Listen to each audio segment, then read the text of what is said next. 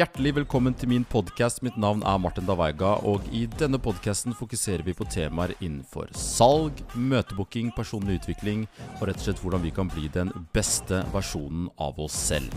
Let's go!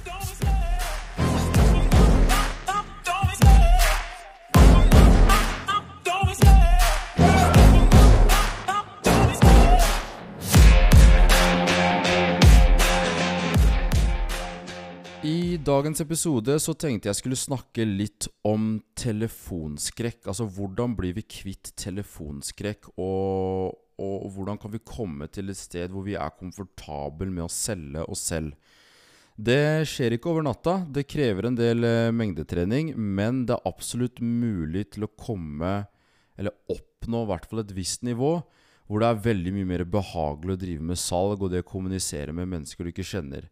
Fordi som alt annet, så når du ikke har gjort noe før, så er det helt naturlig at man har en frykt for det ukjente.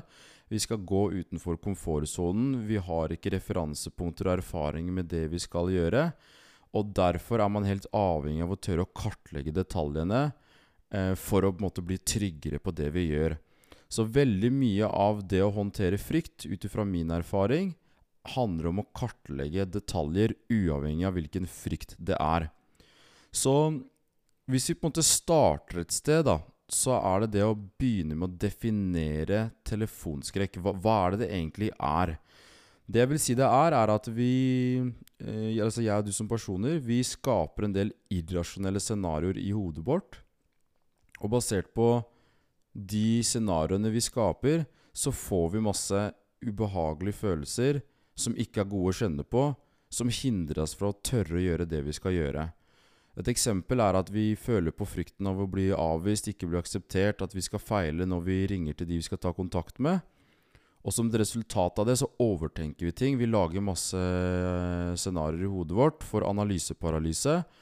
Og så klarer vi ikke å utføre oppgaven på en best mulig måte.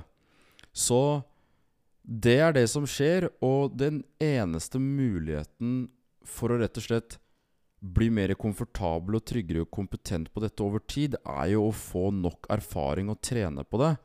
Fordi jo flere referansepunkter man har i form av erfaringer, dvs. Si at jo flere personer du har ringt, jo flere feil du har gjort, jo flere mennesker du har blitt avvist av, jo flere måter og strategier har du egentlig kartlagt hvis du er god på å analysere hva du gjør bra, og hva du gjør dårlig. Så feil og det å dumme seg ut, det å bli avvist, bør være en feedback-mekanisme til, eh, til, deg og til meg. Hvor vi bruker det som en venn for å bli flinkere både overfor oss selv og andre som vi kommuniserer med. Så Felles for alle disse fryktene Jeg snakket jo litt om dette i episode nummer to, psykologien bak møtebooking. Ja, det kunne like godt vært uh, psykologien bak det å selge produkter og tjenester. Altså bare generell salgspsykologi. Men felles for alle disse fryktene, uh, og det som sperrer oss uh, fra å Eller sperrer og stopper oss fra å gjennomføre det vi skal gjennomføre, det er at vi undersøker ikke detaljene fordi vi skaper masse irrasjonelle scenarioer eh, basert på ting som ikke har skjedd. Så hvordan vi angriper dette her på en best mulig måte, er jo å ha nok aktivitet over tid. Fordi med nok aktivitet over tid så fører det til at du får mer kompetanse. Og med mer kompetanse så får du selvtillit og troen på det du gjør. Og i tillegg så vil jeg også legge til at når du har en visjon om deg selv, om du veit hvorfor, hvorfor, du gjør det du gjør, hvem du vil være, hva du vil gjøre, hva du vil ha Når den visjonen er større enn alle fryktene du kjenner på, da er du villig til å gjennomføre selv om du er redd for å gjøre det. Jeg er den første til å innrømme at jeg kan føle på både indre uro og nervøsitet og være redd for å gjøre det jeg gjør i det daglige.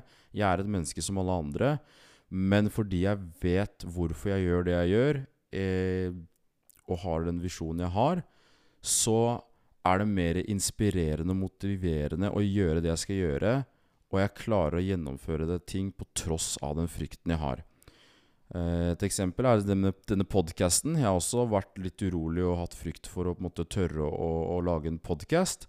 Vært mye prøving og feiling, men eh, det handler om å tenke på hvem kan du hjelpe Eh, jeg syns at det er gøy. Ja, dere skjønner poenget. Så det handler ikke bare om deg eller meg eh, i det vi gjør. Hvis man virkelig vil hjelpe andre, så må vi også verdsette det å hjelpe andre mennesker mer enn vårt eget ego, som um, ofte kan bare være styrt av fryktene våre. Så for å kunne bli god, så må du være villig til å være dårlig først. For å være intelligent og kompetent må du være villig til å føle deg til tider dum og inkompetent. Og for å kunne bli akseptert, så må du være villig til tider å bli avvist og stå opp for noe du tror på. Det er det tankesettet og mindsettet du må ha. Så til syvende og sist så er veldig mye av dette her hva slags begrensende overbevisninger og trossystemer jeg og du har mentalt. Hva er det vi tenker om salg? Eh, hva er det vi føler når vi skal ta kontakt med de vi tar kontakt med? Og dette er essensen i det å bli kvitt telefonskrekk. Så hvis vi koker det ned til fire tips, da, for å prøve å gjøre det litt mer konkret Nå har vi reflektert litt, resonnert litt, men nummer én er jo mengdetreningen. Som alt annet i livet så må man være villig til å gå litt på trynet før man mestrer noe. Eh, det samme gjelder det å bli komfortabel med å selge seg selv. Du kommer til å gjøre feil. Alt nytt i begynnelsen vil føles skummelt og, og vanskelig ut. Men hvis du har et nybegynners tankesett, og at det du skal oppnå, er lærdom og visdom for å bli bedre, så er det lettere å bevege seg fremover.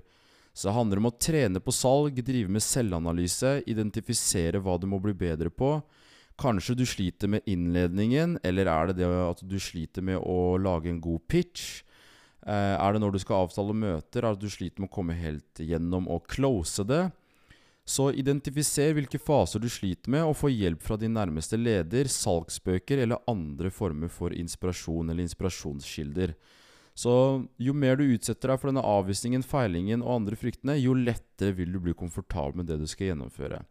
Så mengdetrening, som alt annet i livet, så må du trene en god del før du blir god. Det er som toppidrett. Så er tips nummer to at du må tro på hva du selger. Eh, det er i hvert fall en stor fordel, fordi eh, hvis de tjenestene og produktene du tilbyr, løser et reelt problem eller et potensial for kunden, så mener jeg det er mye lettere å selge det du skal selge. Det er en stor fordel, i hvert fall. Så et annet aspekt er jo at i møtebookingsamtalen så har du kun stemmen din som ditt eneste verktøy, og mennesker kan føle og høre når ikke du tror på det du sier. Derfor mener jeg at det er ekstremt viktig at du har en sterk tro og overbevisning om at det du tilbyr, har en verdi for de du tar kontakt med. Og I tillegg så må du ha nok substans og kompetanse bak det du sier, slik at folk har tillit til deg når du skal snakke med dem. Det er veldig vanskelig å kreve at noen skal stole på deg hvis ikke du stoler på deg selv engang. Så vi må lære oss å ha en tillit og en trygghet til det vi representerer. Og da er det også veldig mye lettere å selge eh, og overbevise, fordi du har det i ryggmargen, og du puster og ånder og lever det du gjør. Eh, konkret tips nummer tre det er at du må tørre å si det du mener når du er uenig med kunden du snakker med. Det er veldig lett å minimere deg selv eh, overfor en beslutningstaker og ikke tørre å si det du mener når du er uenig, og du innerst inne vet at kunden tar feil. Dette her er noe jeg personlig har slitt med i mange år, for jeg har hatt eh, litt sånn people's pleaser-syndrom. Og når du snakker på en måte med de du skal selge til, så kan det være sånn at du har en frykt for å miste eh, avtalen, ikke sant? Fordi du har lyst til å nå budsjett, du har lyst til å tjene penger. Men det er utrolig viktig å ha ryggrad, tørre å si det du mener når du er uenig. Det viser at du har faglig tyngde, du bygger kredibilitet overfor den du prater med. Og min opplevelse er at du også vil kunne få mer respekt når du da gjør det. Og mm, punkt nummer fire, som er det avsluttende, det er at du må jobbe med de trossystemene og overbevisningene rundt salg og møtebooking som du eventuelt har. Og vi alle har en rekke trossystemer og overbevisninger rundt salg og møtebooking, eller det rett og slett å bare kommunisere med andre mennesker. Og det trossystemet som har hjulpet meg mest, eller den overbevisningen som har hjulpet meg mest i min karriere, er at det er uetisk å ikke selge.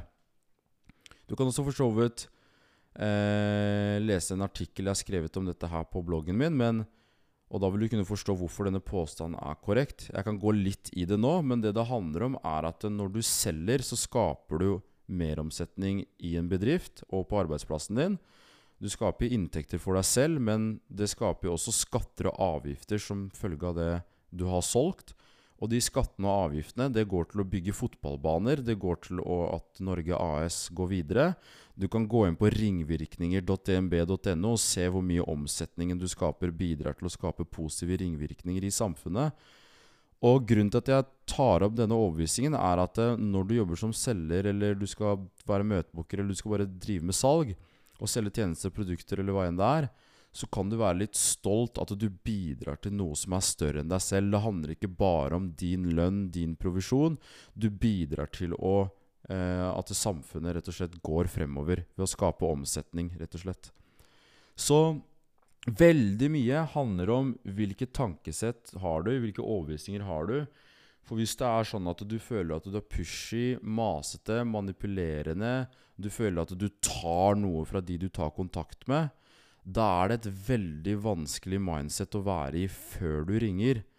Men hvis du føler at du løser problemet fordi du tar kontakt med, du, at det er uetisk ikke selge, at du hjelper kundene dine med å oppnå et potensial Hvis du tenker at jo større problemer, jo større løsninger finnes det, du har et growth mindset, du tenker løsningsorientert, ja, da er det veldig mye lettere å, å drive med salg og, og lykkes med det.